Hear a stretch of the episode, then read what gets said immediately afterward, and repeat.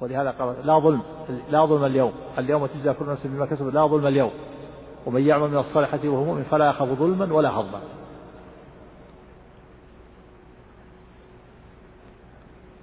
والظلم يختلف الناس في تفسيره ولعله يأتي إن شاء الله في العقيدة بيان الظلم حقيقة الظلم وأقسام والأقوال فيه. نعم. قال رحمه الله تعالى وهو متعال عن الأضداد والأنداد. نعم الله تعالى متعال عن الأضداد والأنداد. الأضداد جمع ضد وهو المخالف والأنداد جمع ند وهو المثل. هو سبحانه لا, لا مخالف له. لأنه ما شاء ما شاء الله كان وما لا يشاء يكون فلا يمكن أن يخالفه شيء. مشيئة نافذة. ما شاء الله كان وما لم يشاء ولا مثل له كما قال سبحانه ولم يكن له كفوا أحد. فلا ضد له ولا مثل لا مخالف له ولا مثل له سبحانه وتعالى. نعم. قال رحمه الله لا راد لقضائه ولا معقب لحكمه ولا غالب لأمره. لا راد لقضائه ولا معقب لحكمه ولا غالب لأمره. لا يرد قضاء الله راد. إذا قضى الله شيئا فلا يرده أحد. لا بد من وقوعه. ولا معقب لحكمه. يعني لا يؤخر أحد حكم الله. بل لا بد أن ينفذ. ولا غالب لأمر الله. لأن الله سبحانه وتعالى هو الغالب وهو الواحد القهار. فلا يرد قضاء الله أحد ولا يؤخر حكمه. بل لا بد أن ينفذ قضاء الله. ولا بد أن ينفذ حكم الله ولا في وقته ولا يؤخره أحد. ولا يغلب أمر الله. غالب لأن الله إذا أراد شيئا قال له كن فيكون ولا يغلب أمر الله شيء لأن الله هو الواحد القهار سبحانه وتعالى. نعم. قال رحمه الله آمنا بذلك كله وأيقنا أن كلا من عنده. نعم آمنا يعني صدقنا صدقنا بذلك واعتقدنا ذلك. وأيقنا من اليقين يعني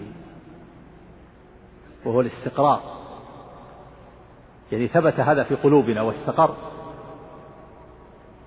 فاليقين هو الاستقرار من يقن الماء إذا استقر في المكان. والمعنى أن كل شيء يجري بقضاء الله وقدره وإرادته وتكوينه ومشيئته. مشيئة الله نافذة. وقدر الله جار ماض. وما أراده الله لابد أن يكون. وما أراد الله تكوينه لابد أن يوجد. آمنا بذلك وصدقنا واستقر ذلك في قلوبنا. نعم. قال رحمه لأن هذا من الإيمان بقضاء الله وقدره. لا بد من ذلك. كما سبق. لا بد من العلم بعلم الله. في الأشياء وكتابته لها في اللوح المحفوظ وإرادته لكل من يوجد في هذا الكون لا بد أن الله أراده وخلقه وإيجاده. وهذا مكتوب قبل أن تخلق الخلائق بخمسين ألف سنة. كما ثبت في حديث عبد الله بن عمرو العاص النبي صلى الله عليه وسلم قال قدر الله مقادير الخلائق قبل أن يخلق السماوات والأرض بخمسين ألف سنة. وكان عرشه على الماء. نعم. قال رحمه الله وأن محمدا عبده المصطفى ونبيه المجتبى وإن, وإن, وإن محمدا. إن عطف على قوله نقول في في توحيد الله معتقدين بتوحيد إن الله وحده لا شريك له. الصواب إن كما سبق لأن إن تكسر بعد القول. تقرأ الجملة الأولى نقول في توحيد الله معتقدين بتوفيق الله إن الله وحده لا شريك له وإن محمدا عبده المصطفى ورسوله المجتبى. هذه معطوفة عليها. إن محمد معطوف على إن الله وحده لا شريك له. تقرأ الجملة الأولى هناك عشان تصحح الخطأ اللي سبق قبل ليلتين. وإن, وإن مكسورة تكسر بعد القول. قال إني عبد الله آتاني الكتاب. يقول إنك لمن المصدقين. إنك لمن المصدقين. قال إنني إنه كان لي قليل. يقول أ يقول أئنك لمن المصدقين. نعم. قال رحمه الله نقول في توحيد الله معتقدين بتوفيق الله إن الله واحد لا شريك له وإن محمدا عبده المصطفى ونبيه المجتبى ورسوله المرتضى. نعم. عطف إثبات النبوة على إثبات التوحيد. نقول في توحيد الله معتقدين بتوفيق الله إن الله واحد لا شريك له هذا إثبات التوحيد. توحيد الله في ربوبيته وفي أسمائه وصفاته وأفعاله وفي ألوهيته وعبادته. ثم قال وإن محمدا عبده المصطفى ونبيه المجتبى ورسوله المرتضى. المجتبى والمصطفى والمرتضى متقاربة. يعني أن محمد بن عبد الله بن عبد المطلب الهاشمي القرشي العربي المكي ثم المدني هو رسول الله عبد الله ورسوله. اجتباه الله واصطفاه وارتضاه واختصه بالرسالة والنبوة عليه الصلاة والسلام واصطفاه على العالمين. لا بد من الإيمان بهذا لأن محمدا رسول الله عبد الله ورسوله وأنه خاتم النبيين وأنه لا نبي بعده وأنه أفضل الأنبياء. من لم يؤمن بهذا وأنه رسول الله لا. العرب والعجم والجن والإنس. من لم يؤمن بهذا فليس فليس بمؤمن. ولو زعم أنه يوحد الله وأنه يعبد الله وأنه يوحد الله في ربوبيته وفي أسمائه وصفاته وأفعاله وهو لا يشهد أن محمد رسول أن محمد رسول الله لا يصح إيمانه ولا توحيده. ولو قال زعم أنه يشهد أن لا إله إلا الله. ولكنه لا يشهد أن محمد رسول الله لم يصح توحيده. يكون كافر شهادتان لا تصح إحداهما بدون الأخرى. من شهد أن لا إله إلا الله من شهد أن لا إله إلا الله ولم يشهد أن محمد رسول الله لم تقبل منه. ومن شهد أن محمد رسول الله ولم يشهد أن لا إله إلا الله لم تقبل منه. لا بد من من الشهادتين. وإذا أطلقت إحداهما دخلت هي الأخرى. إذا أطلقت إحداهما دخلت هي الأخرى. وإذا اجتمعتا تفسر الشهادة الأولى بتوحيد الله والثانية الشهادة بالرسالة النبي صلى الله عليه وسلم. ولهذا نفى الله الإيمان عن أهل الكتاب من اليهود والنصارى لأنهم لم يشهدوا أن محمد رسول الله. وإن كانوا يزعمون أنهم مؤمنون بالله. قال الله تعالى في سورة براءة قاتلوا الذين لا يؤمنون بالله ولا باليوم الآخر ولا يحرمون ما حرم الله ورسوله ولا يدينون دين الحق من الذين أوتوا الكتاب حتى يعطوا الجزية عن يد وهم صاغرون. نفى عنهم الإيمان لأنهم ما آمنوا بمحمد ما شهدوا أن محمد رسول الله. وإن كانوا يزعمون أنهم آمنوا بالله وأنهم يعملون بكتبهم لكن هذا الإيمان الإيمان نفي عنه ما صح. ولا اعتبر إيمانا لأنهم لم يشهدوا أن محمد رسول الله. فلا بد من الشهادة بأن محمد لأن محمد بن عبد الله بن عبد المطلب بن هاشم القرشي عربي ثم المكي, المكي ثم المدني أنه رسول الله حقا وأنه عبد الله ورسوله.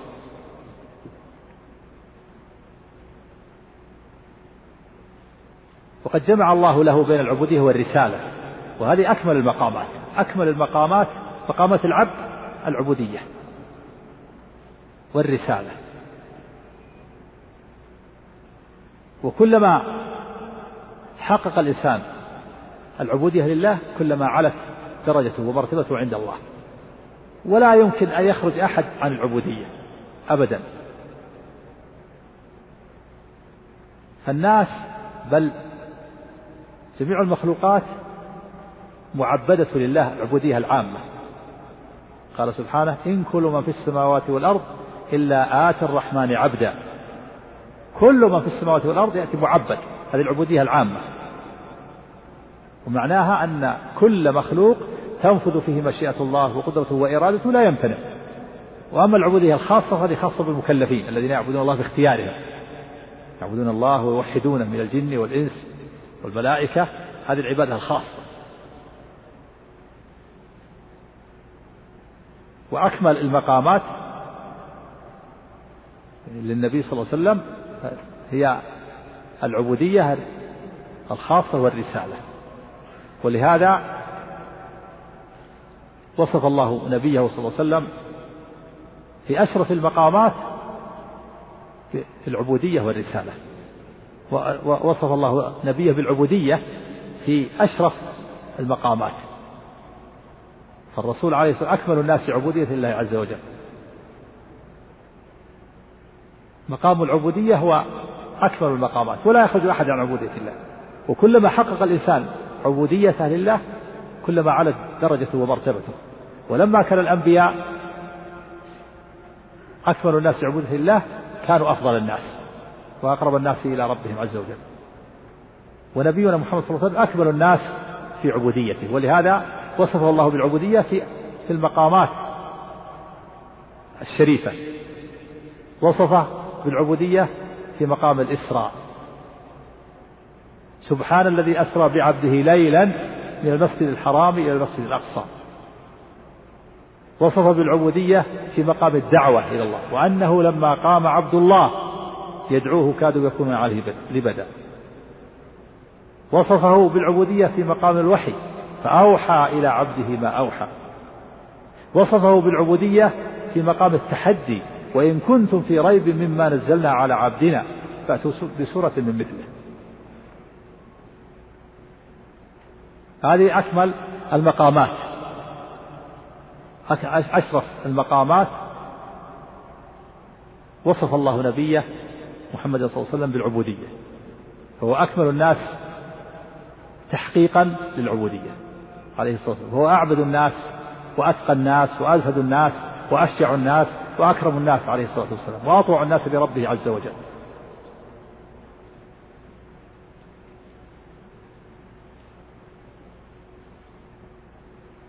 والنبوة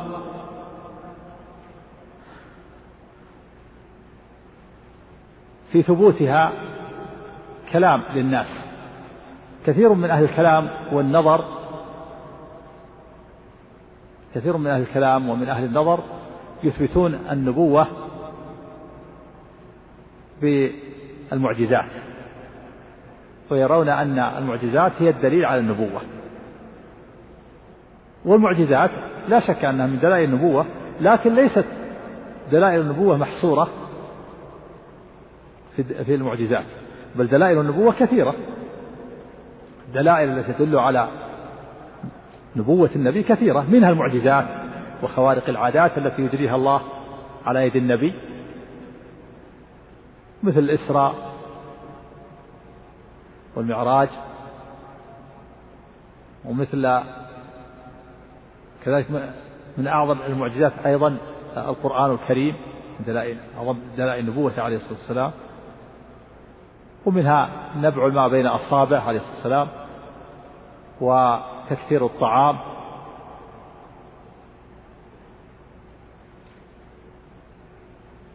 إخباره عن المغيبات ما يخبره الله عز وجل من دلائل نبوته.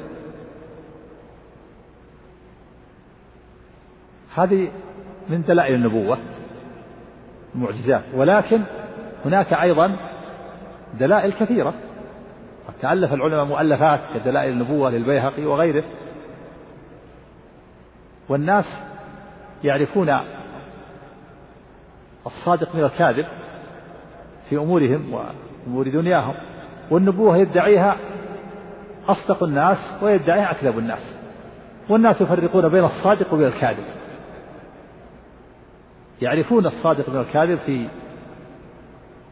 أخباره وأقواله وأفعاله. فلا بد أن يقول للناس كلاما ولا بد أن يخبرهم بأخبار ولا بد أن يفعل أشياء. فيعرف الناس الصادق من الكاذب. بل إن الناس يعرفون الصادق من الكاذب في غير دعوى النبوة.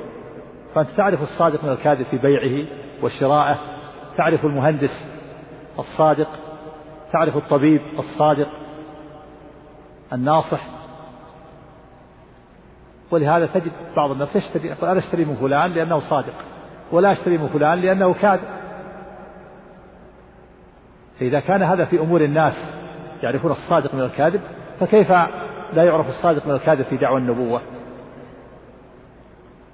فالنبي يعرف الناس صدقه بما يخبر به من الأخبار وبما يفعله من الأمور والنبوة مشتملة على علوم وأحوال يتبين بها صدق صدقه.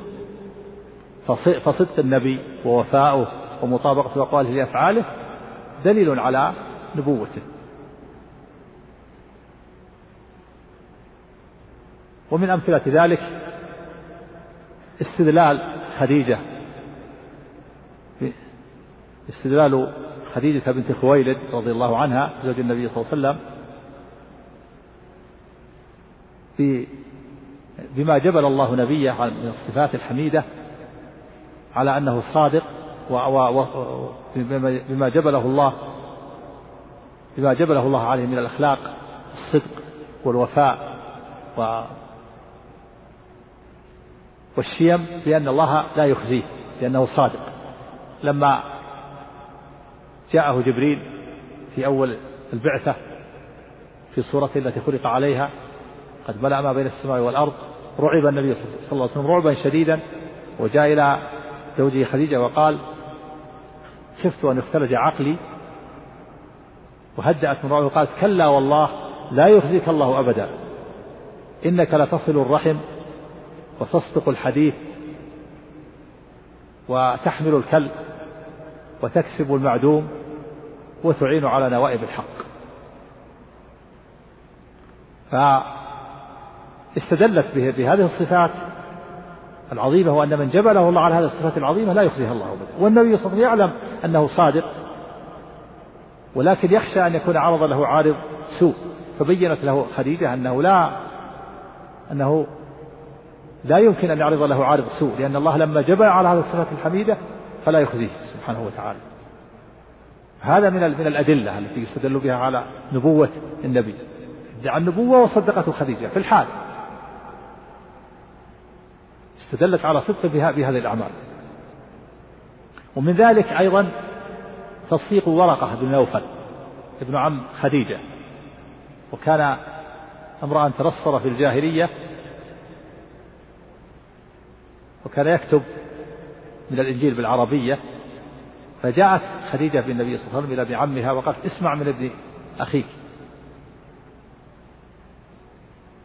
فأخبره النبي صلى الله عليه وسلم خبره فآمن به وصدقه في الحال واعترف بنبوته وقال هذا الناموس الذي كان يأتي موسى.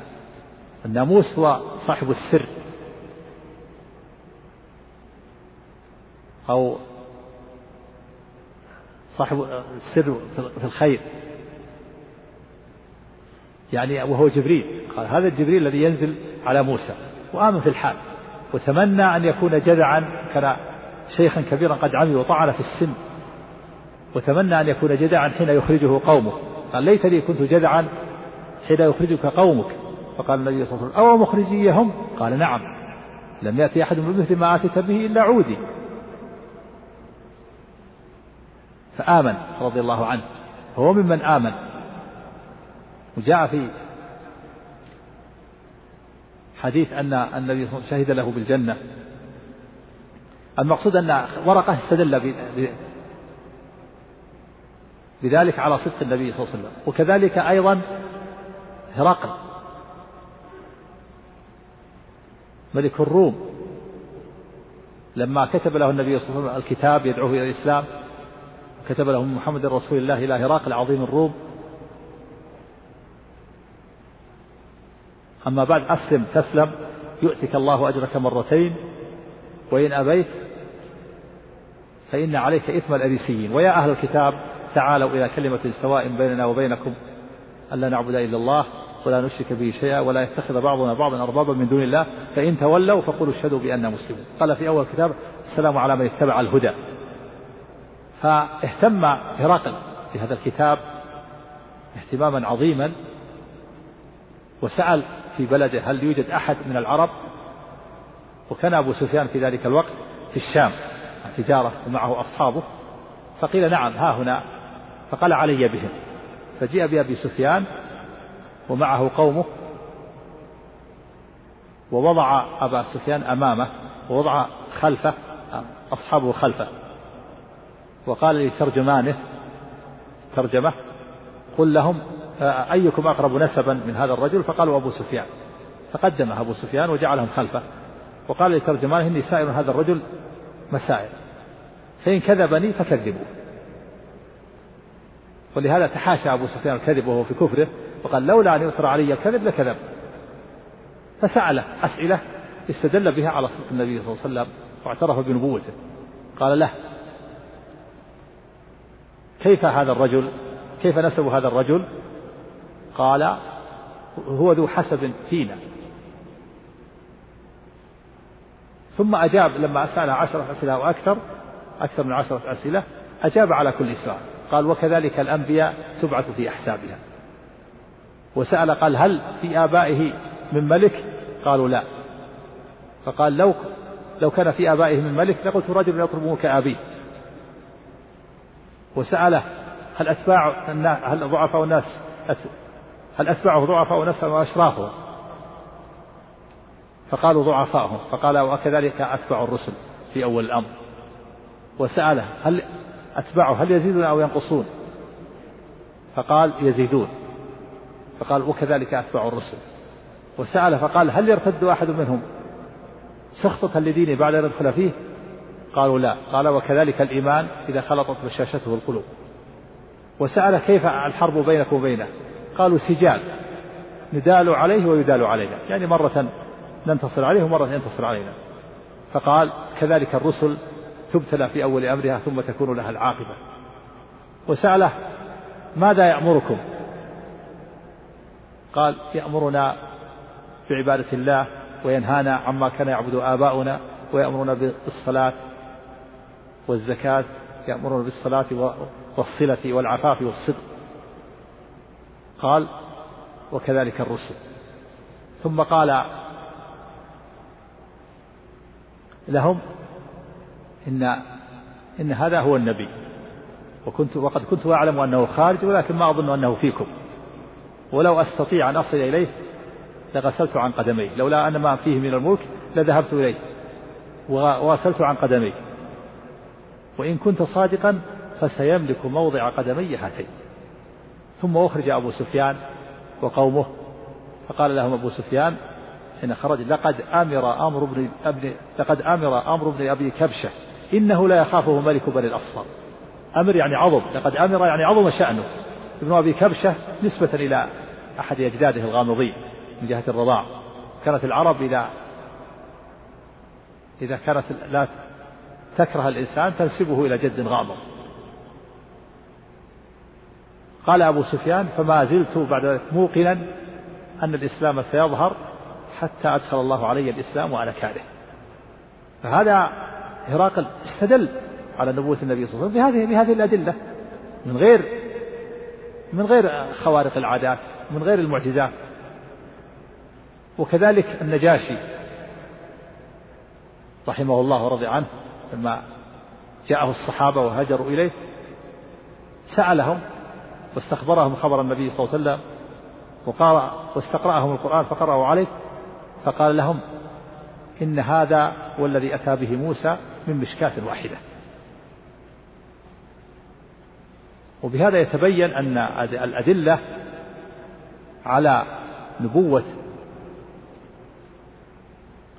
الأنبياء كثيرة ليست خاصة بالمعجزات وخوارق العادات كما يزعمه بعض أهل الكلام والنظر من الأشاعرة وغيرهم بل الأدلة دلائل النبوة كثيرة منها المعجزات ومنها خوارق العادات ومنها معرفة حال الشخص وأخباره يعرف صدقه من أخباره ومن أقواله ومن أعماله ومن وفائه وصدقه ومطابقة أقواله لأعماله كما سبق في هذه الأمثلة. ولكن أهل الكلام في هذا لا يخصون دلائل النبوة بالمعجزات حتى إن المعتزلة أنكروا خوارق العادات التي تجري على أيدي المؤمنين وخوارق العادات التي تجري على السح عند على أيدي السحرة. قالوا حتى لا يلتبس النبي بغيره. قالوا الخوارق العادات ما تجري إلا على يد نبي. أما خوارق السحرة أنكروها. مع أنها واقعة. وأنكروا الخوارق كرامات الأولياء. قالوا لو أثبتنا كرامات الأولياء وخوارق السحرة لالتبس النبي بغيره. ففرارا من ذلك أنكروا خوارق العادة وقالوا لا خوارق للعادة إلا على يد نبي وهذا من أبطل الباطل وهذا من جهلهم. ظنوا أن أنه ليس هناك دليل على نبوة النبي إلا خوارق العادات والمعجزات ودلائل النبوة كثيرة.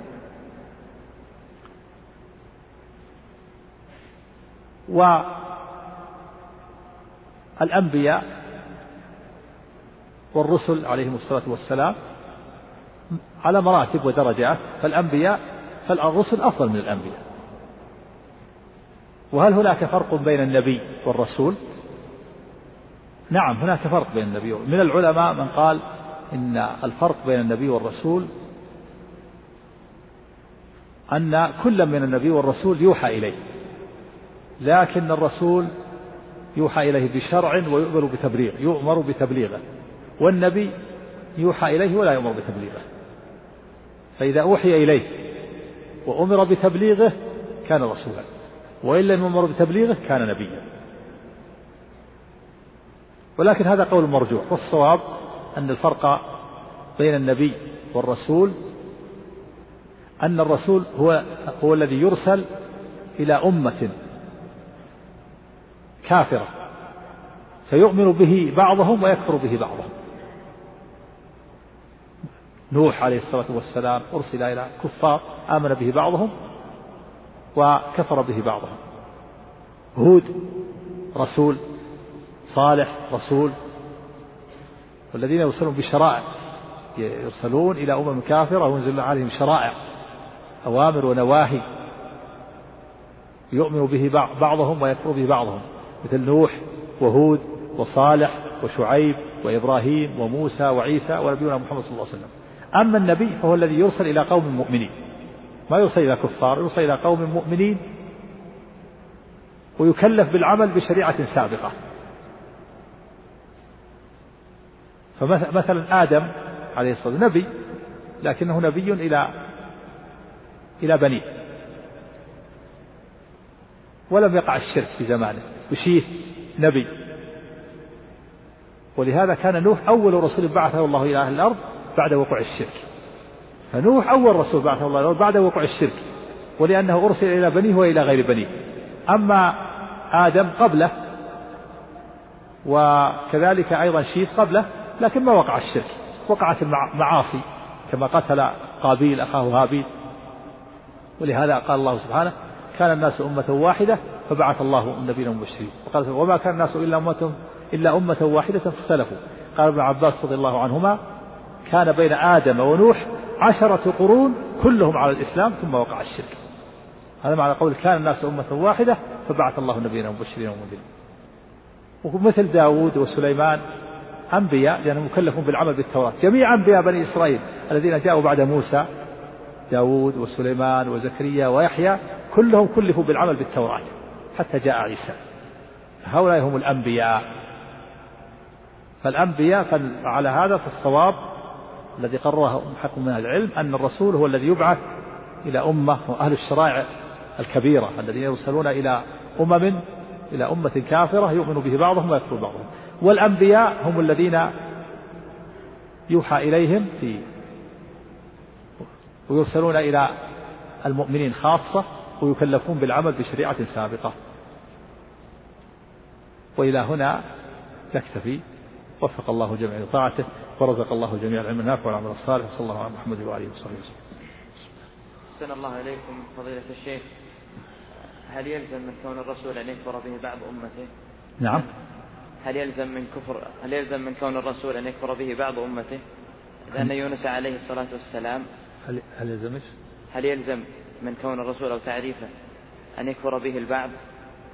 هو يونس عليه السلام أرسله أرسله الله إلى مائة ألف أو يزيدون فآمنوا؟ لكن في الأول ردوا دعوته. هذا هو المعروف الآن. لكن يصدق عليه أنهم ردوا دعوة أول أمر ثم آمنوا. نعم. نعم. هذا هو المعروف عند أهل وتجد الأنبياء كلهم هكذا. موسى وعيسى ونبينا محمد صلى الله عليه وسلم وإبراهيم وهود وصالح وشعيب كلهم. كفر كفر بهم كثير وآمن بهم قليل. ونبينا محمد صلى الله عليه وسلم أكثر الناس تابعا كما قال عليه الصلاة والسلام إني لأرجو أن أكون أكثرهم تابعا. لكن هناك من لم من أمته لأن الرسول رسول رسول إلى إلى الثقلين الجن والإنس إلى قيام الساعة. وهذه الأمة فيها أمة تنقسم إلى قسمين أمة الإجابة وأمة الدعوة. أمة الدعوة الكفار نعم. أحسن الله إليكم. سائل يقول يستدل بعض أهل السنة على منع تسلسل الحوادث في الماضي بما صح عنه عليه الصلاة والسلام أنه قال أول ما خلق الله القلم. فهل يدل على أن في المخلوقات أولا؟ أولا مسألة التسلسل هذه من المسائل المجملة التي لم تأتي في الكتاب والسنة. والمراد دوام الحوادث. المراد الدوام والاستمرار. وهذا الحديث أول ما خلق الله القلم. قال له اكتب. قال بعضهم إنه أول المخلوقات. والصواب أن العرش سابق له. و ولهذا قال المقيم رحمه الله والناس مختلفون في القلم الذي كتب القضاء به من الديان هل كان قبل العرش أو هو بعده؟ قولان عند أبي على الهمداني والحق أن العرش قبله لأنه قبل الكتابة كان ذا أركان فالصواب أن العرش مخلوق قبل القلم وأما قوله أول ما خلق الله القلم قال له اكتب. فالأولية مقيدة بالكتابة والمعنى أنه قال له اكتب عند أول خلقه أول ما خلق الله القلم قال له اكتب والمعنى قال له اكتب أول خلق أول ما خلقه. فالأولية مقيدة بالكتابة. نعم. أحسن الله إليكم. يقول السائل في آخر كتاب العقل والنقل ذكر شيخ الإسلام رحمه الله الخلاف في علم الله هل يتجدد أو لا؟ ورجح رحمه الله أنه يتجدد فما المراد بتجدد علم الله سبحانه؟ ما ما أذكر هذا يحتاج إلى تأمل ونظر نظر في العبارة وما قبلها وما بعدها. نعم. سن الله إليكم. يقول السائل ما حكم قولي شاء القدر وتدخلت عناية السماء؟ خاصة أن مثل هذه الألفاظ تكثر عند بعض الكتاب والمثقفين المعاصرين. نعم الأولى تركها لا أن يقول شاء الله. ولا يقول شاءت الأقدار. الأولى تركها وأن يعبر الإنسان بالتعبيرات التي وردت في النصوص. ولكن جاء فيها اقتضت حكمة الله واقتضت حكمة الله وعناية الله. جاء تعبير فيها بعض السلف. القيم ذكر هذا. من قال شاءت الأقدار هذا ما ورد. الأولى أن يلتزم الإنسان بألفاظ النصوص ولا يأتي بشيء من عند نفسه. نعم. أحسن الله إليكم. يقول السائل ما الفرق بين القضاء والقدر وما المراد بالحديث لا يرد القضاء إلا الدعاء؟ هناك فروق فروق بينهما. ذكر ذكرهم العلماء. وذكروا أن أن قد يجتمعان وقد يفترقان والقضاء يطلق على أمور. فقضاهن سبع سماوات قضي الأمر فرغ منه. له له معاني عدة ولكن قد يجتمعان ويرد بالقضاء القدر وقد يفترقان. قد ذكر شارح الطحاوية معاني للقضاء يرجع إليه. وأما حديث لا يرد القدر إلا الدعاء آه، فالمعنى أن أن الله تعالى يقدر. آه، آه، الدعاء مقدر. فالله تعالى يجعل المقدور له سبب هو سببه الدعاء. كما جاء في الحديث أن القدر والدعاء والبلاء يعترجان بين السماء والأرض أيهما غلب؟ فالمعنى أن الله تعالى آه، قد يستجيب دعاء الشخص ويجعل الله الدعاء سببا في حصول المقدور ويكون هذا مقدر في الأزل مثل صلة الرحم. الله قدر أن هذا العبد أن يعافيها الله هذا العبد من مرضه بدعائه. الله قدر الدعاء وقدر العافية وجعل العافية آه، الدعاء سبب في العافية. فيكون القدر سبب. وهو من وهو من وهو من القدر. من القدر الذي قدره الله. نعم. أحسن الله إليكم. يقول السائل هل يجوز لعن الكافر بعينه؟ وهل يفرق بين الحي والميت؟ لا ينبغي لعن الكافر الحي بعينه بل يدعى له بالهداية. إلا إذا اشتد من اشتد أذاه أذية المسلمين فلا بأس. إذا اشتد أذاه كما آذى المسلمين فلا بد منه أما الميت فلا يلعن. قال النبي صلى الله عليه وسلم لا تسبوا الأموات فإنهم أفضوا إلى ما قدموا. إلا إذا ترتب على ذلك مصلحة للأحياء. كان يحذر الإنسان من كفر هذا الكافر أو من بدعته حتى لا يضر الناس فلا بأس. هذا مستثنى. وأما بدون مصلحة فلا يسب الميت. لا تسبوا الأموات يقول النبي صلى الله عليه وسلم لا تسبوا الأموات فإنهم أفضوا إلى ما قدموا. وأما لعن الفاسق والكافر فالفاسق لا يلعن بعينه. ولهذا لما جاء للنبي صلى الله عليه وسلم برجل شرب الخمر لعنه بعض الصحابة قال لعنه الله أو أخذه ما أكثر ما يؤتى قال النبي صلى الله عليه وسلم لا تلعنه فإنه يحب الله ورسوله. ولأن إقامة حد كافية. والمشروع أن يلعن العصاة على العموم. يقال لعن الله من شرب الخمر. لعن, لعن الله السارق كما يسرق البيضة فتقطع يده ويسرق الحبل فتقطع يده. لعن الله الخمر لعن الله شارب الخمر لعن الله آكل الربا. أما فلان ابن فلان آكل الربا لا لا تلعن فلان ابن فلان السارق لا تلعن ادعو له بالهداية. وكذلك الكافر بعينه لا تلعنه لأنه قد يهديه الله. ادعو له بالهداية. ويستثنى من هذا ما إذا اشتد أذاه فلا بأس بلعنه. أذاه على المسلمين فلا بأس كما دعا النبي صلى الله عليه وسلم على بعض الكفار. ولما قيل للنبي صلى الله عليه وسلم إن دوسا عصت فادعوا الله عليهم قيل هلكت دوس. قال النبي صلى الله عليه وسلم اللهم اهد دوسا وأت بهم فهداهم الله الإسلام نعم. أحسن الله إليكم. يقول السائل هل أسلم النجاشي وهل يعد صحابيا؟ نعم أسلم. النجاشي أسلم لا شك في هذا. النبي صلى الله عليه وسلم نعى النجاشي لما مات كما ثبت في صحيح البخاري.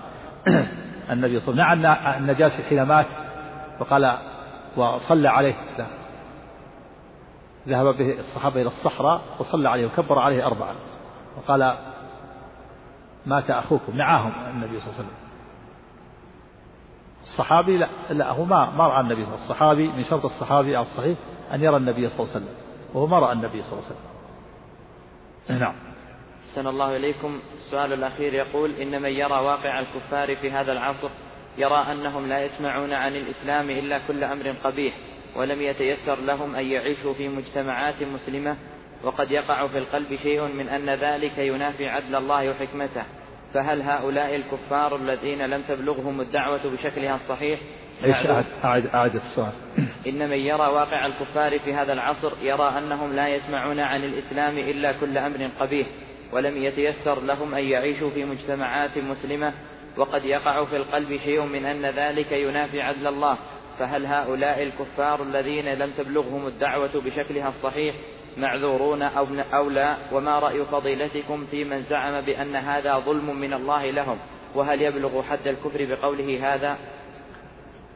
آه، القول بأنها ما بلغتهم هذا بعيد. الآن وسائل الإبلاغ وسائل الإعلام كثيرة الآن. الظاهر أن الدعوة بلغتهم. ولكن لو قدر أن هناك أحد لم تبلغ الدعوة فيكون حكم حكم الفترات حكم الفترات. والله تعالى يقول وما كنا معذبين حتى نبعث رسولا. وأهل الفترات الذين لم تبلغهم الدعوة فيهم أقوال لأهل العلم. ذكر الحافظ رحمه الله في فتح أقوال ثمانية أقوال وذكرها أيضا علامة ابن القيم في أواخر طريق الهجرتين. أرجحها أنهم يمتحنون. يوم القيامة وأنه يجرى لهم امتحان وأنه يخرج لهم عنق من النار ويغردوها فمن وردها كانت عليه بردا وسلاما ومن عصى تبين فيه علم الله. وجاء هذا في في أحاديث كثيرة لا تخلو من ضعف حديث الأسد بن السريع وغيره وأنه يؤتى بأهل الفترة وبالأصم وبالشيخ الهرم وبالمجنون وأنهم يمتحنون. ولكن الأحاديث يشد بعضها بعضا فتكون من باب الحسن لغيره كما رجح ذلك شيخ الإسلام ابن وابن القيم. هذا أصح ما قيل فيه. فيكون حكم حكم الفترات وما مسألة كل لم يتبين عدو الله فيهم ما. الله تعالى يقول وما كنا معذبين حتى نبعث رسولا فمن لم تبلغه الدعوة فإنه لا يعذب حتى تقوم عليه الحجة. والفترات يمتحنون. أما قوله ما تبين فيهم عدو الله وأنه وأن هذا يصل إلى درجة الكفر؟ نقول لا. لا. الجواب هو أن من لم تبلغه الدعوة فلا لا يعذب حتى تقوم عليه الحجة. أمره إلى الله. والله تعالى عادل. وقد قال وما كنا معذبين حتى نبعث رسولا. من لم تبلغه الدعوة ولم يبلغه الرسول ولم يبلغه القرآن لا يعذب. وهو معذور. وله امتحان آخر. نعم. أحسن الله إليكم ومتع بكم على طاعته وصلى الله وسلم على نبينا محمد وآله وأصحابه وأحبابه وفق الله جميع لطاعته ورزق الله جميع بسم الله الرحمن الرحيم. الحمد لله رب العالمين والصلاة والسلام على أشرف الأنبياء والمرسلين نبينا محمد وعلى آله وصحبه أجمعين. أما بعد فإن هناك بعض التنبيهات على ما سبق. أو بعض.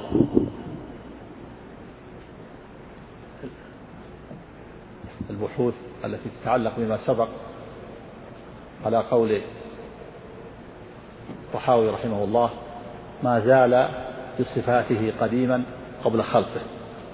قلنا إن مذهب أهل السنة والجماعة أن الرب سبحانه وتعالى لم يزل متصفا بصفاته.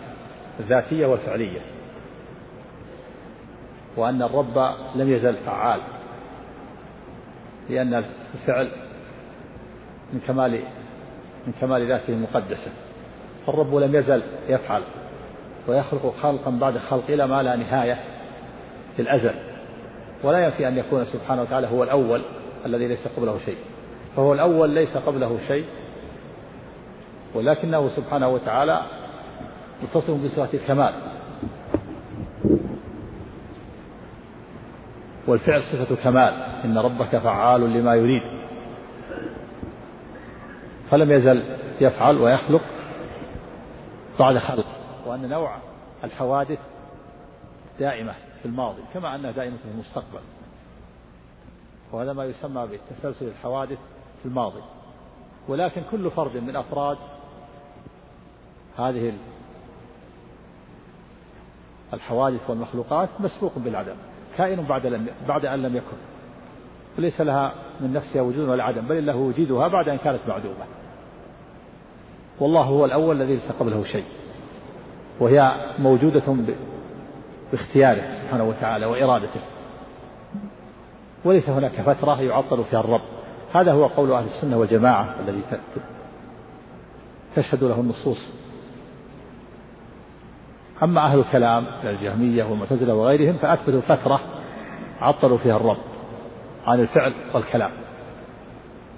وزعموا بذلك أن أنهم يريدون أن يثبتوا أن الله هو الأول الذي ليس قبله شيء. وأنه إذا قيل إن الحوادث متسلسلة ودائمة في الماضي يلزم من ذلك أن لا يكون الله هو الأول. وهذا باطل. فإذا أهل الكلام يثبتون فترة يعطلون فيها الرب. وأهل السنة لا يثبتون فترة ويقولون أن الحوادث متسلسلة ودائمة لكنها مخلوقة بعد أن لم تكن. خلقها الله بإرادته واختياره أما مذهب الفلاسفة كإرسطو و والفارابي وابن سينا وغيرهم من الفلاسفة المتأخرين وهم الذين يسمون الفلاسفة الإلهيون فإنهم قالوا إن المخلوقات والحوادث مقارنة للرب ملازمة له في الأزل وفي الأبد. قالوا إنها مقارنة للرب. فلم يثبتوا أن الله هو الأول الذي ليس قبله شيء بل قالوا إنها مقارنة مقارنة له في الزمان. فهذه المخلوقات مقارنة له في الزمان. أزلا وأبدا. وهي لازمة له لا يستطيع الانفكاك عنها. ليست مخلوقة باختياره وإرادته بل هي لازمة له أزلا وأبدا لأنه علتها وهي المعلولة. وتقدمه عليها إنما كتقدم العلة للمعلوم. وهي لازمة له كما كلزوم النور النور للسراج والمصباح. لا يستطيع الانفكاك عنها. فهي لازمة له أزلا وأبدا. ولم يثبت أرسطو وجودا لله إلا من جهة كونه مبدأ للكثرة وعلة غائية لحركة الفلك. هذه الكثرة هذه المخلوقات مبدأها الله اللي هو كأنه جزء منها أعوذ بالله. وهو العلة لها محرك لها. كفرهم العلماء كفرهم شيخ الإسلام ابن تيمية رحمه الله وقال أنتم أنكرتم أن يكون الله متقدم في الزمان. أنكرتم أن يكون الله هو الأول الذي ليس قبله شيء. حينما قلتم إن الحوادث والمخلوقات مقارنة للرب في الزمان. أنكرتم أن يكون الله هو الأول الذي ليس قبله شيء. ولم تثبتوا أن هذه مخلوق أن هذه الحوادث مخلوقة لله بقدرته ومشيئته. فقلتم إنها لازمة له أزلا أبدا فأنكرتم تقدمه في الزمان فكانوا بذلك كفارا ثم ناقش العلماء شيخ الإسلام ابن تيمية وغيره ناقشوا أهل البدع أهل الكلام من الجهمية والمعتزلة. قالوا أنتم خالفتم الفلاسفة فأثبتم أن أثبتم فترة حتى تثبتوا أن الله هو الأول الذي ليس قبله شيء. ولم تقارنوا تقولوا كقول الفلاسفة إن المخلوقات مقارنة لله بزمان لكنكم حينما أنكرتم العلو علو الرب على خلقه واستواءه على العرش وقلتم إن الله مختلط بالمخلوقات هذا قول بعض الجهمية قالوا أنكروا العلو والاستواء وقالوا إنه مختلط بالمخلوقات تعالى الله عما يقولون. وقال بعضهم ونفى بعضهم عنه الوصفين المتقابلين. فقالوا لا داخل العالم ولا خارجه. ولا مباين له ولا محيث له. ولا متصل به ولا منفصل عنه. فالجهمية الأولى قالوا بالحلول حلول الرب. والجهمية متأخرون قالوا بنفي النقيضين. لا داخل العالم ولا خارجه. ولا فوقه ولا تحته. ولا مباين له ولا محيث له. ولا متصل به ولا منفصل عنه. ماذا يكون؟ عدم بل ممتنع. فالطائفتان الجهمية الأولى والثانية كلاهما لم يثبت أن الله فوق المخلوقات وأن الله مستوى العرش بائن من خلقه. قال الشيخ الإسلام أنكرتم أن يكون الله متقدما في المكان فلم تثبتوا أن الله هو الظاهر الذي ليس فوقه شيء. كما أن الفلاسفة أنكروا أن تقدم الله في الزمان وأن يكون هو الأول الذي ليس قبله شيء فأنتم أنكرتم تقدم الله في المكان. فلم تثبتوا أن الله فوق المخلوقات. فصرتم بهذا مماثلين للفلاسفة. الفلاسفة أنكروا تقدم الله في الزمان فلم يثبتوا أن الله هو الأول الذي ليس قبله شيء. وأنتم أنكرتم تقدم الله في المكان فلم تثبتوا أن الله هو الظاهر الذي ليس فوقه شيء. والله تعالى وصف نفسه ب بهذه الصفات الأربعة وبهذه الأسماء الأربعة متقابلة. هو الأول والآخر والظاهر والباطن وهو بكل شيء عليم. فسرها النبي صلى الله عليه وسلم فسر الأولية بنفي تقدم شيء عليه. وفسر الآخر الآخر بنفي أن يكون بعده شيء. وفسر الظاهر بنفي أن يكون فوقه شيء. قال فقال عليه الصلاة والسلام في الحديث الصحيح اللهم أنت الأول فليس قبلك شيء وأنت الآخر فليس بعدك شيء. وأنت الظاهر فليس فوقك شيء وأنت الباطن فليس دونك شيء. فما الفرق بين كفركم وكفر الفلاسفة؟ الفلاسفة كفروا لأنهم أنكروا تقدم الله في الزمان وأنتم كفرتم لأنكم أنكرتم تقدم الله في المكان. فهذه فائدة مهمة في بيان ما عليه أهل البدع من الجهمية والمعتزلة في إنكارهم علو الله على عرشه. وأنه مماثل لإنكار الفلاسفة. كما الفلاسفة أنكروا تقدم الله في الزمان وهؤلاء أنكروا تقدم الله في المكان. المسألة الثانية أن سبق في في مسألة هل الصفات زائدة على الذات أو ليست زائدة؟ وقلنا إنه يفرق بين صفات الله وصفات غيره. فصفات فغير الله يقال إن الصفات زائدة على الذات. بمعنى أن لها معنى غير معنى الذات. وإن كان لا يتصور أن هناك ذات منفصلة عن الصفات لكن يفهم من معاني الصفات ما لا يفهم من الذات. فإن أريد أن هناك ذات مجردة فهذا ليس بصحيح. وإن أريد أن الصفات لها معنى غير معنى الذات فهذا صحيح. أما الله سبحانه وتعالى فلا يقال إن صفاته غير ذاته بل الله سبحانه وتعالى بذاته وصفاته هو الله الله بذاته وصفاته مسمى الله اسمه مسمى الله يدخل فيه الذات والصفات فلا يقال إن الصفات غير الذات.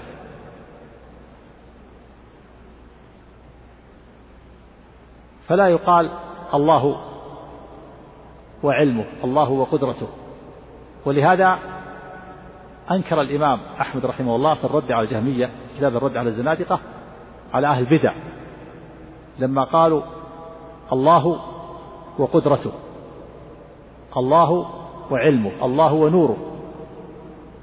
قال لا نقول هذا لا نقول الله وعلمه الله وقدرته الله ونوره بل نقول الله بعلمه وقدرته ونوره هو الحي الذي لا إله إلا هو هو الخالق هو الله لا إله إلا هو. بعلمه وقدرته. ولا نقول الله وعلمه الله وقدرته الله ونوره لأن الواو تفيد المغايرة. بل نقول الله بعلمه وقدرته ونوره هو الله الذي لا إله إلا هو. التنبيه الثالث أن سبق بالأمس الكلام على الفروق بين بين النبي وبين الرسول. وقلنا إن الصواب أن الفرق بين النبي. والرسول أن الرسول هو الذي يأتي بشريعة مستقلة. وأنه يرسل إلى قوم يؤمن به آخر يؤمن به بعضهم ويكفر به بعضهم. كنوح وهود وصالح وشعيب وإبراهيم وموسى وعيسى ومحمد عليه الصلاة والسلام. أما النبي فهو الذي يكلف بالعمل بشريعة سابقة. أو يرسل إلى مؤمنين.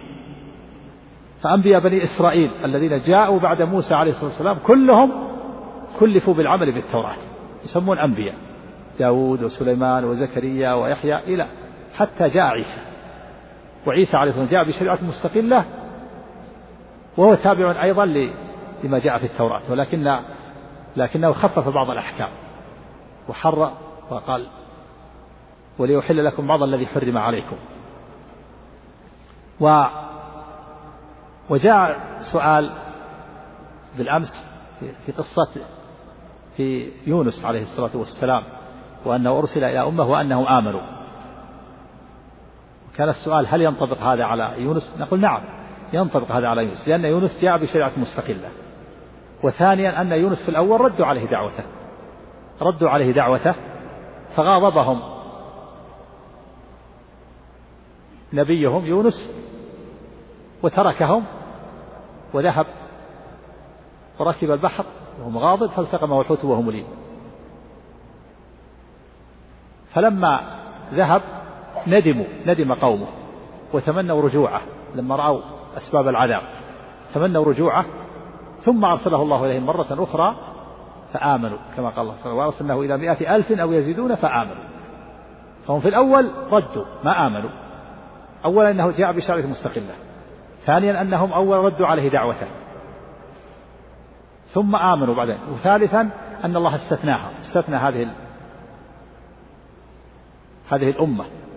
لأن الله سبحانه وتعالى إذا إذا جاءت أسباب العذاب وانعقدت أسباب العذاب فلا يفيد الإيمان بعد ذلك. كما قال كما قال الله سبحانه وتعالى فلما رأوا بأسنا قالوا آمنا بالله وحده وكفرنا بما كنا به مشركين فلم يكن ينفعهم إيمانهم. لما رأوا بأسنا سنة الله التي قد خلت في عباده وخسر هنالك الكافرون. إذا جاءت أسباب العذاب ونزل العذاب لا ينفع الإيمان. وكما حصل لفرعون فإن فرعون الذي ادعى الربوبية وقال أنا ربكم الأعلى لما نزل به العذاب آمن لكن ما نفع. قال الله تعالى وجاوزنا ببني إسرائيل البحر فأتبعهم فرعون وجنوده بغيا وغدوة بغيا وعدوى حتى إذا أدركه الغرق. قال آمنت أنه لا إله إلا الذي آمنت به بنو إسرائيل وأنا من المسلمين. فرعون الذي يقول للناس أنا ربكم الأعلى قال آمنت وأنا من المسلمين. لكن هل نفع؟ ما نفع. قال الله آه الآن وقد عصيت قبل وكنت من المسلمين. لماذا ما نفع؟ لأن العذاب إذا نزل ما ينفع. إذا نزل العذاب وانعقدت أسباب العذاب ما, ما ينفع الإيمان. كما كما في الآية الكريمة. فلما رأوا بأسنا قالوا آمنا بالله وحده وكفرنا بما كنا به مشركين فلم يكن ينفعهم إيمانهم لما رأوا بأسنا سنة الله التي قد خلت في عباده وخسر هنالك الكافرون. قوم يونس استثناهم الله مستثنون. استثناهم الله. انعقدت أسباب العذاب وآمنوا وصح منهم الإيمان. كما قال الله سبحانه وتعالى فلولا كانت قرية آمنت فنفعها إيمانها إلا قوم يونس. إذا قوم يونس مستثنون. فلولا كانت قرية آمنت فنفعها إيمانها إلا قوم يونس لما آمنوا كشفنا عنهم عذاب الخزي في الحياة الدنيا ومتعناهم إلى حين. وبهذا يتبين أن أمة يونس ليست خارجة ينطبق عليها ليست خارجة عن القاعدة. أرسل بشريعة مستقلة وردوا عليه دعوة في أول الأمر ثم ثم بعد ذلك آمنوا لما انعقد أسباب العذاب واستثناهم الله. المسألة الرابعة هناك من من دلائل هناك أيضا من دلائل النبوة دلائل النبوة كما كما سبق أنها كثيرة. من دلائل النبوة؟ ما أبقاه الله تعالى من الآثار من من آثار الأمم. فإن الله تعالى أبقى آثار الأمم المهلكة. فإن الله تعالى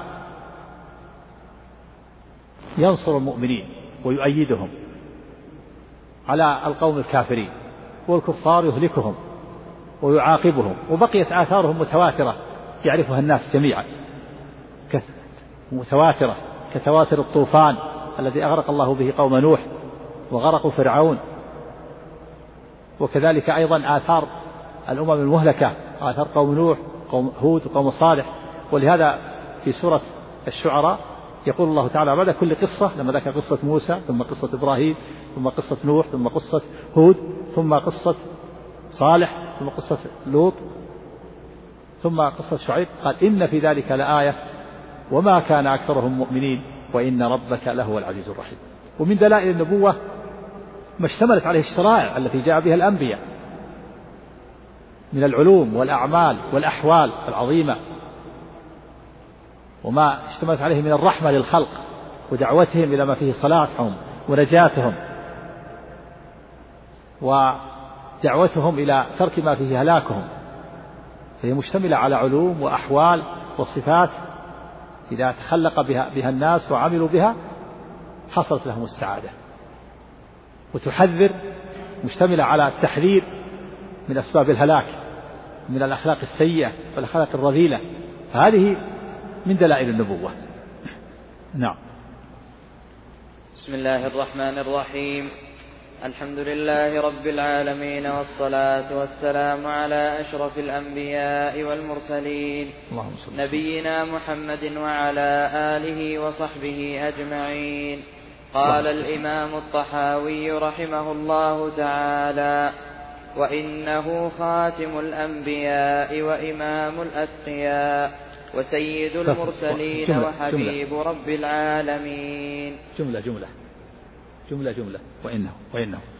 وإنه خاتم الأنبياء. نعم. وإنه خاتم الأنبياء. يعني محمد عليه الصلاة والسلام خاتم الأنبياء. معطوف على نقول في توحيد الله معتقدين بتوفيق الله إن الله وحده لا واحد لا شريك له وإن محمدا عبده المصطفى ورسوله المجتبى. وإنه خاتم الأنبياء.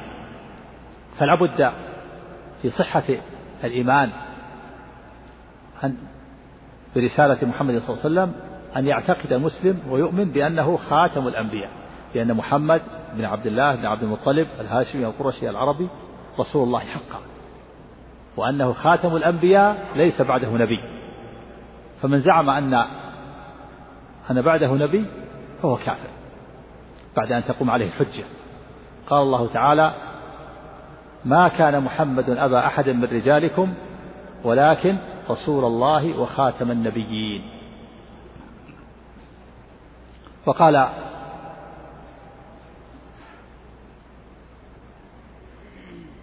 وثبت في الحديث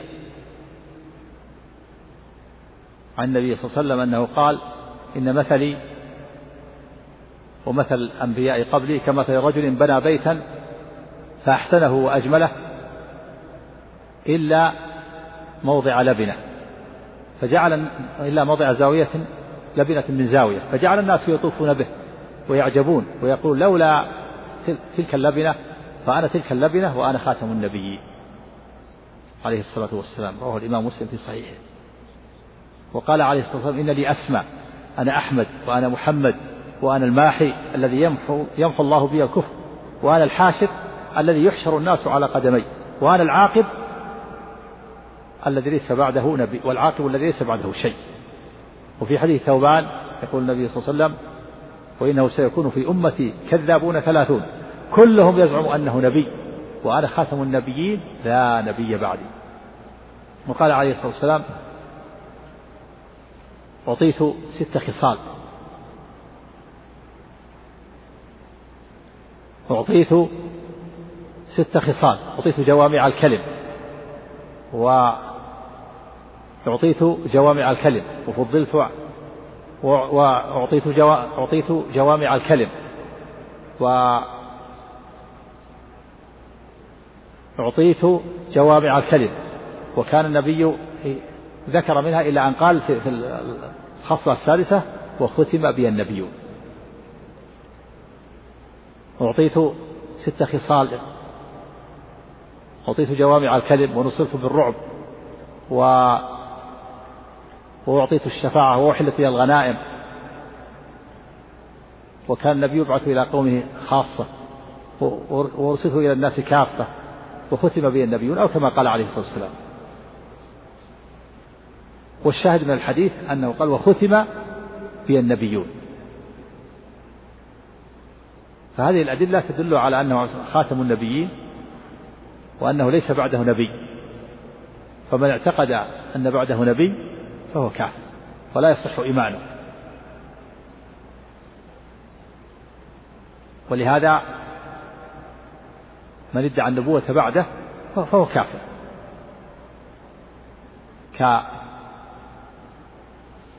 كمسيلمة الكذاب والأسود العنسي من ذلك مرزا مرزا غلام أحمد القادياني الذي ادعى النبوة أجمع أهل الحق على أنهم فرقة خارجة عن الإسلام قاديانية الذين يتبعون أحمد مرزا غلام قادياني في الهند ويعظمون بلدة قاديان ويحجون إليها. هؤلاء كفار فرقة خارجة عن المسلمين خارجة عن الإسلام كما قرر بذلك كما أهل العلم وأجمعوا على ذلك. في العصر الحاضر نعم. قال رحمه الله وإمام الأتقياء. يعني هو محمد عليه الصلاة والسلام إمام الأتقياء. والأتقياء جمع تقي وهو الذي يخشى الله ويتقيه وهو الذي يعبد الله مخلصا له الدين. التقي هو الذي يعبد الله مخلصا له الدين وهو الذي يؤدي ما فرض الله عليه. وينتهي عما حرم الله عليه. فهو عليه الصلاة والسلام إمام الأتقياء يقتدى به ويتبع. كما قال سبحانه قل إن كنتم تحبون الله فاتبعوني يحببكم الله ويغفر لكم ذنوبكم والله غفور رحيم وهو عليه الصلاة والسلام له النصيب الأوفر من صفات المتقين وهو مقدمهم وإمامهم. والله تعالى وصف المتقين بالصفات كقوله سبحانه وسارعوا إلى مغفرة من ربكم وجنة عرضها السماوات والأرض أعدت للمتقين. الذين ينفقون في السراء والضراء والكاظمين الغيظ والعافين عن الناس والله يحب المحسنين. والذين إذا فعلوا فاحشة أو ظلموا أنفسهم ذكروا الله فاستغفروا لذنوبهم ومن يغفر الذنوب إلا الله ولم يصروا على ما فعلوا وهم يعلمون. أولئك جزاؤهم مغفرة من ربهم وجنات تجري من تحتها الأنهار خالدين فيها ونعم أجر العاملين. هذه صفات المتقين وهو عليه الصلاة والسلام أسبق الناس إلى هذه الصفات. نعم. فهو إمام المتقين يقتدي به تقتدي به أمته عليه الصلاة والسلام إلى يوم القيامة. نعم. قال رحمه الله وسيد المرسلين. وسيد المرسلين. هذا وصف عليه الصلاة والسلام أنه سيد المرسلين. هو سيد المرسلين جميعا وهو سيد الناس كما ثبت في الأحاديث الصحيحة أنه عليه الصلاة والسلام أفضل الناس وهو سيدهم. وإذا كان المرسل إذا كان سيد المرسلين والمرسلون أفضل الناس فهو سيد العالمين عليه الصلاة والسلام.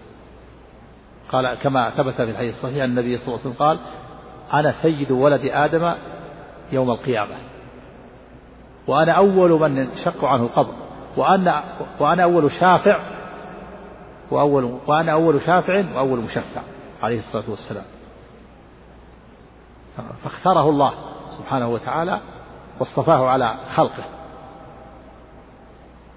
كما في الحديث إن الله اصطفى من ولد إسماعيل إن الله اصطفى كنانة من ولد إسماعيل. واصطفى قريشا من كنانة. واصطفى من قريش بني هاشم واصطفاني من بني هاشم. فهو عليه الصلاة والسلام أفضل الناس. وقال عليه الصلاة والسلام أنا سيد ولد آدم يوم القيامة ولا فخر. هو أفضل الناس سيد المرسلين وسيد ولد آدم فهو أفضل الناس عليه الصلاة والسلام على الإطلاق.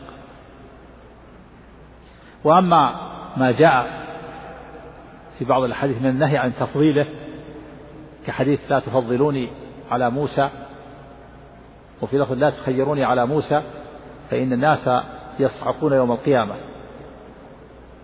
فأجد موسى باطشا بساق العرش فلا أدري أفاق قبلي أم كان ممن استثنى الله. وفي لفظ لا لا تفضلوني على موسى فإن الناس يصعقون يوم القيامة.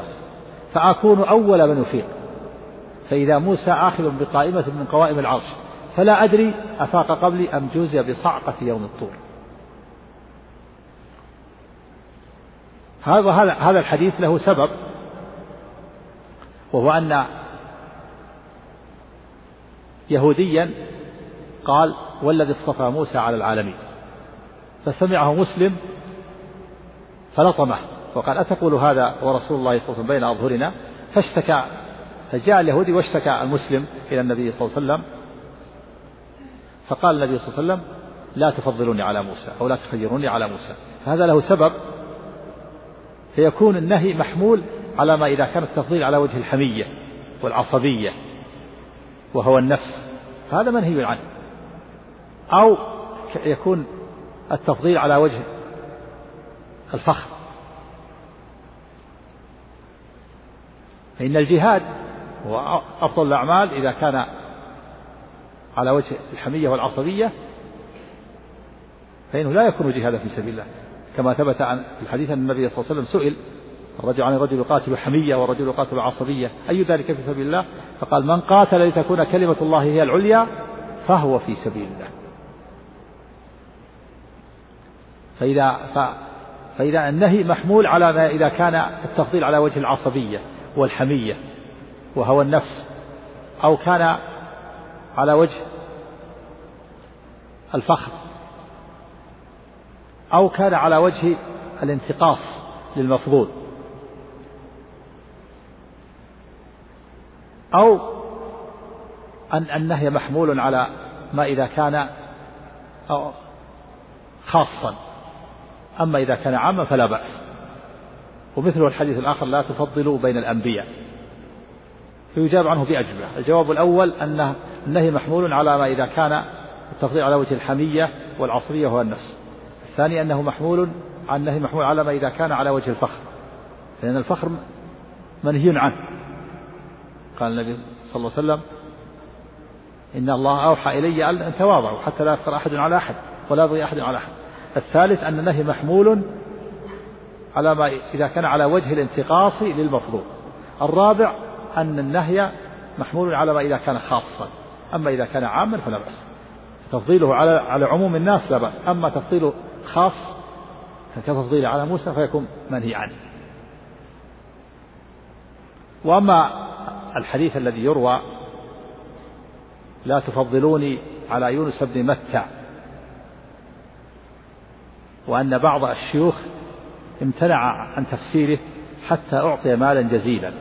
فلما أعطي مالا جزيلا فسره وقال معناه لا تفضلوني على يونس بن متى وذلك لأن قرب يونس بن متى وهو في بطن الحوت في قار البحار كقربي من الله ليلة المعراج. لا تفضلوا على يونس بن متى وذلك لأن قرب يونس بن متى من الله وهو في قعر البحار في بطن الحوت كقربي من الله ليلة المعراج. فهذا الحديث باطل محرف لفظا وباطل معنى وهذا يدل على جهل هذا هؤلاء بالحديث. بألفاظ الحديث ومعنى أول هذا الحديث محرف لم يرد هكذا وإنما الصواب الحديث لا يقول أن أحد إني خير من يونس بن متى. لا يقول أن أحدكم إني خير من يونس بن متى. وفي لفظ من قال إني خير من يونس من يونس بن متى فقد كذب. وليس فيه نهي النبي صلى الله عليه وسلم عن تفضيله على يونس. والأنبياء يتفاضلون كما قال الله تعالى ولقد فضلنا بعض النبيين على بعض. تلك الرسل فضلنا بعضهم على بعض. فليس فيه نهي النبي صلى الله عليه وسلم نهي تفضيل النبي صلى الله عليه وسلم على يونس.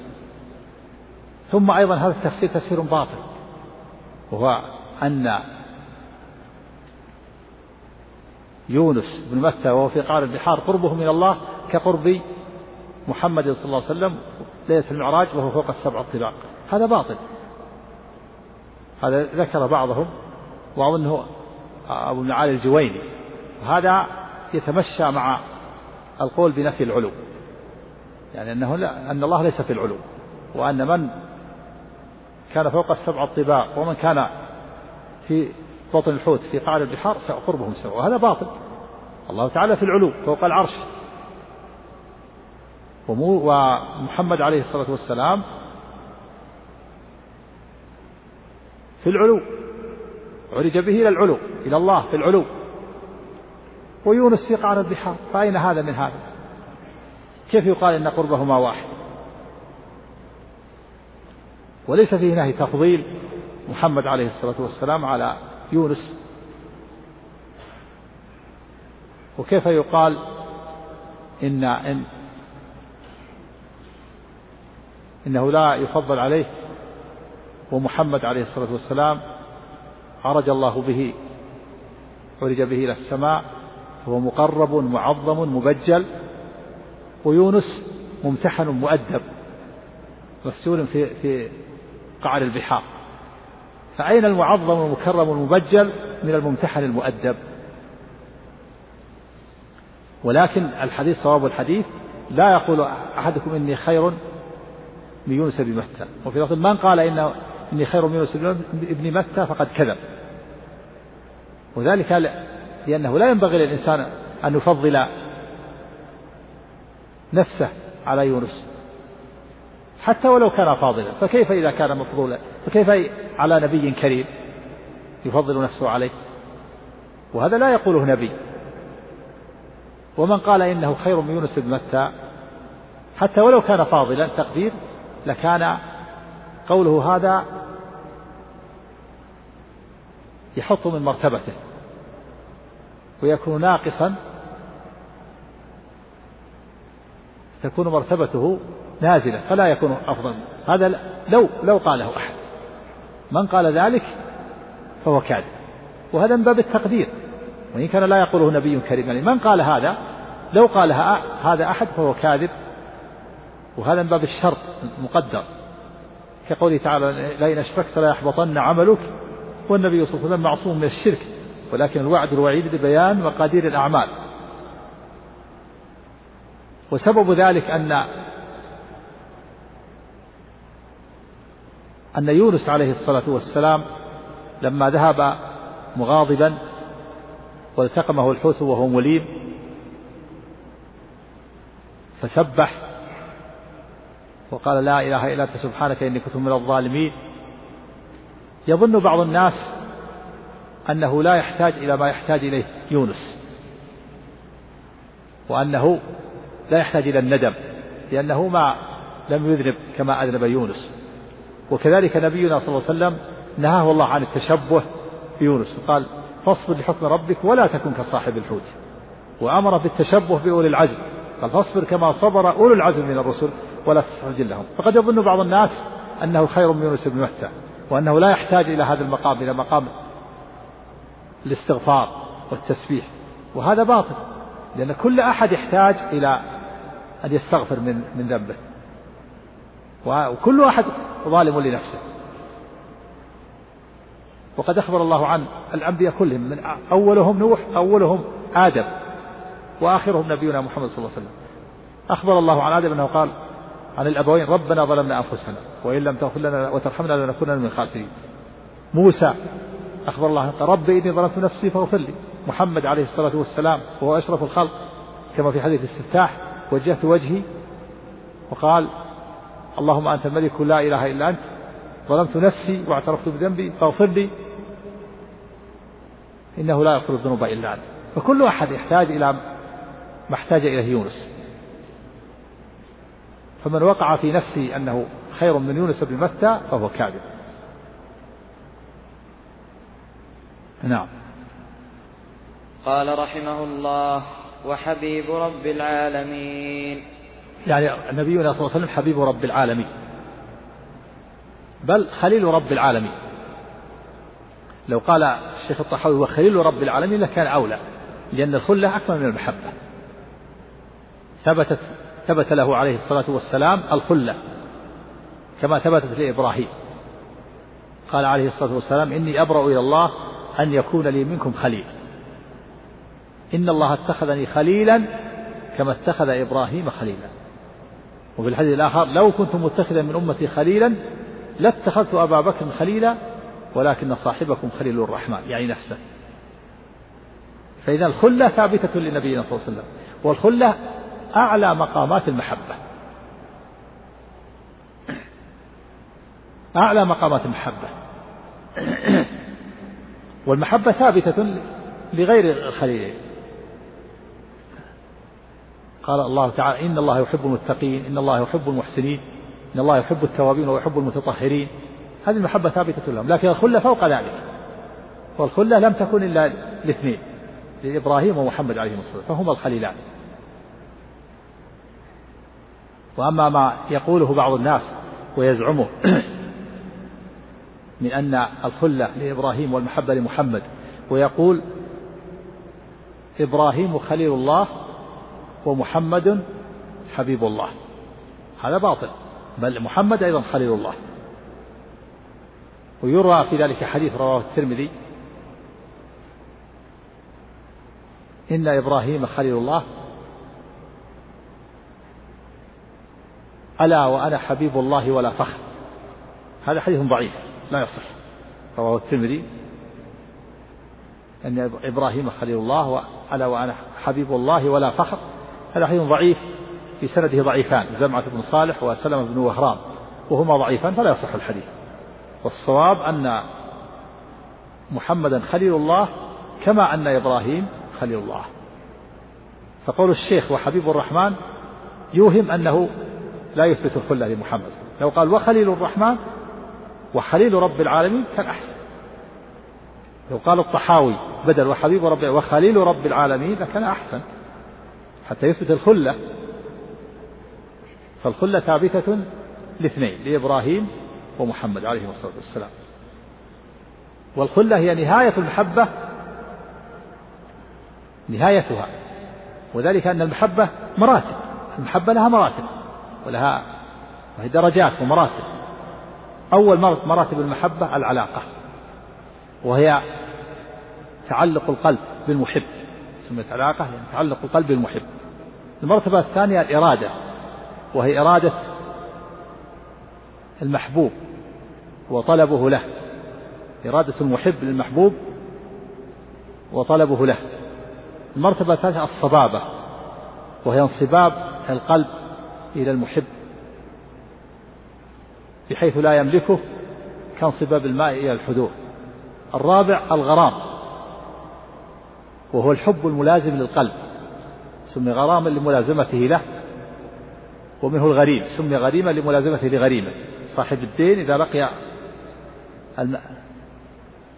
المدين لزمه ومنه قوله تعالى إن إن في جهنم إن عذابها كان غراما يعني ملازما. المرتبة الرابعة المودة والود وهو صف المحبة وخالصها ولبها. ومن قوله تعالى سيجعل لهم الرحمن إن الذين آمنوا وعملوا الصالحات سيجعل لهم الرحمن ودا. الخامس المطلب الخامس الشغف. وهو الحب الذي وصل إلى شغاف القلب وهو غلافه وهي الجلدة التي دون الحجاب. الخامس المرتبة الخامسة العشق وهو الحب الحب المفرط الذي يخشى على صاحبه. وهذا لا يوصف به الرب هذه المرتبة لا يوصف به الرب العشق ولا يوصف العبد بها في محبته لربه. لأنه لم يرد ولعل الحكمة في ذلك أنها محبة مع شهوة. السابع التتيم التتيم التتيم وهو التعبد. ومنه تيم الله أي عبد الله. يقال تيمه العب تيمه الحب أي عبده وذلله الثامن أو التاسع؟ التاسع التعبد. تعبد وهو غاية الذل مع غاية المحبة. قالوا طريق معبد إذا وطئته الأقدام غاية الذل مع غاية المحبة. ومحبة العبودية خاصة بالله لا تكون لله وهي غاية الذل مع غاية الحب. فإذا صرف صرف لغير الله كانت شركا. العاشر الخلة. وسميت خلة لأنها لتخللها القلب والروح. لتخللها القلب والروح لتتخلل القلب والروح حتى تصل إلى سويداعه كما قال الشاعر قد تخللت مسلك الروح مني ولذا سمي الخليل خليلا والخلة هي نهاية المحبة وكمالها. ولا يتسع القلب لأكثر من خليل واحد. القلب يمتلئ ما يتسع لأكثر من خليل واحد. ولهذا قال النبي صلى الله عليه وسلم لو كنت متخذا من أهل الأرض خليلا لاتخذت أبا بكر خليلا ولكن صاحبكم خليل الله. يعني نفسه عليه السلام يعني لو كان في قلبي متسع لكان لأبي بكر لكن قلبي امتلأ بمخلة الله. فليس فيه متسع. لو كان فيه متسع لكان لأبي بكر. لكن القلب لا يتسع لأكثر من خليل.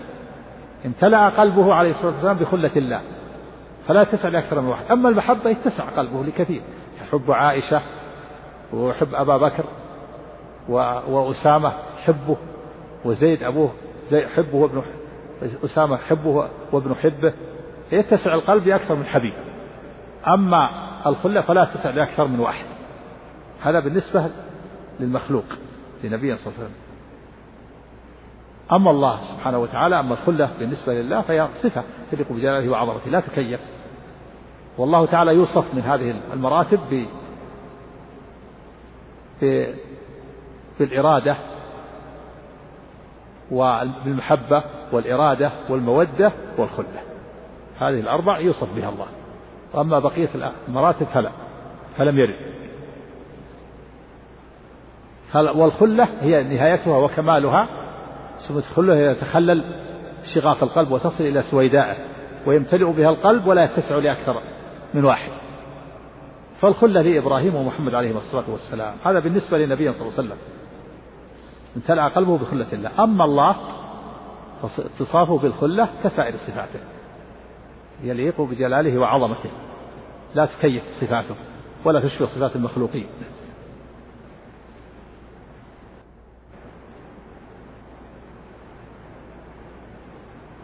نعم. قال رحمه الله وكل دعوى النبوة بعده فغي وهوى. نعم كل من ادعى النبوة بعده فغي وهوى.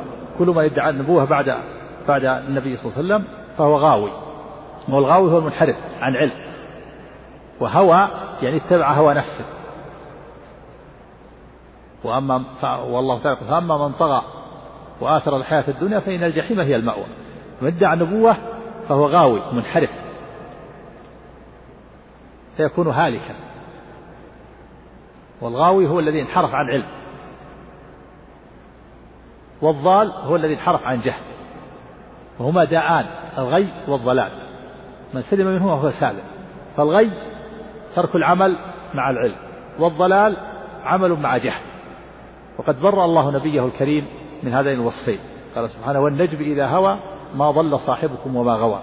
ليس ضالا فيكون جاهل بل هو على علم من ربه.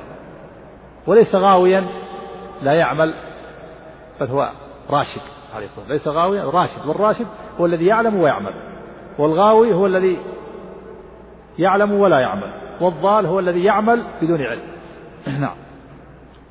قال رحمه الله وهو المبعوث إلى عامة الجن وكافة الورى بالحق والهدى وبالنور والضياء. قبل جملة جملة وهو. وهو المبعوث إلى عامة الجن وكافة الورى. وهو المبعوث عليه الصلاة والسلام إلى عامة الجن. يعني أنه رسول الله إلى الثقلين الجن والإنس. فهو رسول الله إلى الجن والإنس عليه الصلاة والسلام. والأدلة في هذا واضحة. قال الله تعالى وإذ صرفنا إليك نفرا من الجن يستمعون القرآن. فلما حضروه قالوا أنصتوا. فلما قضي ولوا إلى قومهم منذرين قالوا يا قومنا إنا سمعنا كتابا أنزل من بعد موسى. ثم قال بعد يا قومنا أجيبوا داعي الله. هذا دليل على أنه أرسل إليه. كذلك سورة الجن قل أوحي إلي أنه استمع نفر من الجن. فقالوا إنا سمعنا قرآنا عجبا. سورة الرحمن يا معشر الجن فبأي آلاء ربكما تكذبان؟ قرأها النبي صلى الله عليه وسلم عليهم. وقرأها على الإنس. فقال النبي صلى الله عليه وسلم الجن للجن أحسن ردا منكم. ما قرأت عليهم هذه الآية؟ فبأي آلاء ربكما تكذبان؟ من مرة إلا قالوا ولا بشيء من نعمك ربنا نكذب فلك الحمد. وثبت أيضا أن أن جن نصيبين جاءوا إلى النبي صلى الله عليه وسلم وأنهم سألوه الزاد وقال لكم كل عظم ذكر اسم الله عليه يعود أوفر ما كان عليه لحما. وكل بعرة على كل دوابكم. قال النبي صلى الله عليه وسلم لا تستنجوا بالعظم والروث فإنه زاد إخوانكم من الجن. ثبت في قصة أبي هريرة أن النبي صلى الله عليه وسلم قال لا تبرح مكانك وأن الجن سمع حركة ولغط وأصوات فأراد أن يذهب ف... لكنه ذكر قول النبي صلى الله عليه وسلم لا تبرح مكانك. فلما جاء النبي صلى الله عليه وسلم أخبره قال يا رسول الله سمعت كذا وكذا وخشيت عليك. فتذكرت قولك لا تبرح. قال هل سمعت؟ قال نعم. فجاء فأراه النبي صلى الله عليه وسلم مكان نيرانهم و وأخبره أنهم سألوه كذا وكذا. فهذه أدلة تدل على أنه مرسل إلى إلى الجن عليه الصلاة والسلام. قال مقاتل إن إنه لم يرسل نبي إلى الإنس والجن إلا محمد عليه الصلاة والسلام. لكن هذا بعيد. لأن ظاهر قوله تعالى يا قومنا إنا سمعنا كتابا أنزل من بعد موسى ظاهر في أن موسى مرسل إليهم. يا قومنا إنا سمعنا كتابا أنزل من بعد موسى. وكذلك أيضا قول الله تعالى يا معشر الجن والإنس ألم يأتكم رسل منكم؟ دليل على أنه أرسل إليهم رسل. ألم يأتكم رسل منكم؟ ولكن فإذا الجن أحد الثقلين يرسل إليهم الرسل. ولكن النبوة والرسالة هل تكون في الجن؟ هل يوجد هل يكون من الجن رسول ونبي؟ قال بعضهم بهذا. روي عن الضحاك بن مزاحم كما رواه ابن جرير أنه يكون من الجن نبي. وقال آخرون كمجاهد وغيره والذي روي عن ابن عباس أنه أن الرسل تكون من الإنس. خاصة وأما الجن يكون فيهم نذر ينذرون كما في الآية. فلما قضي ولوا إلى قومهم منذرين قال يا قوم أنا أجيب داعي الله. فالنبوة والرسالة تكون في الإنس. والجن إنما يكون فيهم نذر. وأما قوله تعالى يا معشر الجن والإنس ألم يأتكم رسل منكم فلا يلزم من ذلك أن يكون الرسل منهم وإنما يكون الرسل من أحدهما وهو الإنس. كقوله تعالى مرج البحرين يلتقيان بينهما برزخ لا يبغيان. قال مرج البحرين ثم مرج البحرين يلتقيان بينهما برزخ لا يبغيان. ثم قال يخرج منهما اللؤلؤ والمرجان وإنما يخرج اللؤلؤ والمرجان من أحدهما وهو المالح دون العدل. وقال آخرون لا مانع. يا معشر الجن والإنس ظاهرها أنه يكون منهم جن. يكون من الجن رسل. وقالوا إن قوله يخرج من اللؤلؤ والمرجان ليس بصحيح أنه اللؤلؤ والمرجان لا يكون إلا من المالح بل قد يخرج من الحلو. والله أعلم بالصواب. وأما كون النبي صلى الله عليه وسلم مرسل إلى كافة الوراء إلى عموم الناس إلى يوم القيامة العرب والعجم فهذا أدلة واضحة ولا شك في هذا. من أنكر رسالة محمد صلى الله عليه وسلم إلى عموم الناس أو قال إن النبوة رسالته خاصة بالعرب فهو كافر قال الله تعالى وما أرسلناك إلا كافة للناس بشيرا ونذيرا. وقال سبحانه تبارك الذي نزل الفرقان على عبده ليكون للعالمين نذيرا. ليكون للعالمين نذيرا. وقال سبحانه قل يا أيها الناس إني رسول الله إليكم جميعا. وقال وقال وقال الله تعالى قل يا أيها الناس إني رسول الله إليكم جميعا. وقال تعالى وأوحي إلي هذا القرآن لأنذركم به ومن بلغ. ومن بلغ إلى يوم القيامة. كل من بلغه. وقال سبحانه وأرسلناك للناس رسولا وكفى بالله شهيدا. وقال سبحانه أكان للناس عجبا أن أوحينا إلى رجل منهم أن أنذر الناس. أن أنذر الناس جميعا. عموم. وقال سبحانه وقال عليه الصلاة والسلام في الحديث الصحيح والذي نفسي بيده لا يسمع بي أحد من هذه الأمة يهودي ولا نصراني ثم لا يؤمن بي إلا دخل النار. هذه الأدلة تدل على عموم الرسالة. وأما قول بعض النصارى إن رسالة خاصة ونبوة خاصة بالعرب فيقال لهم إذا أثبتتم أنه رسول إلى العرب ما تبقى من مادة هذا الشريط تتابعونها في الشريط التالي.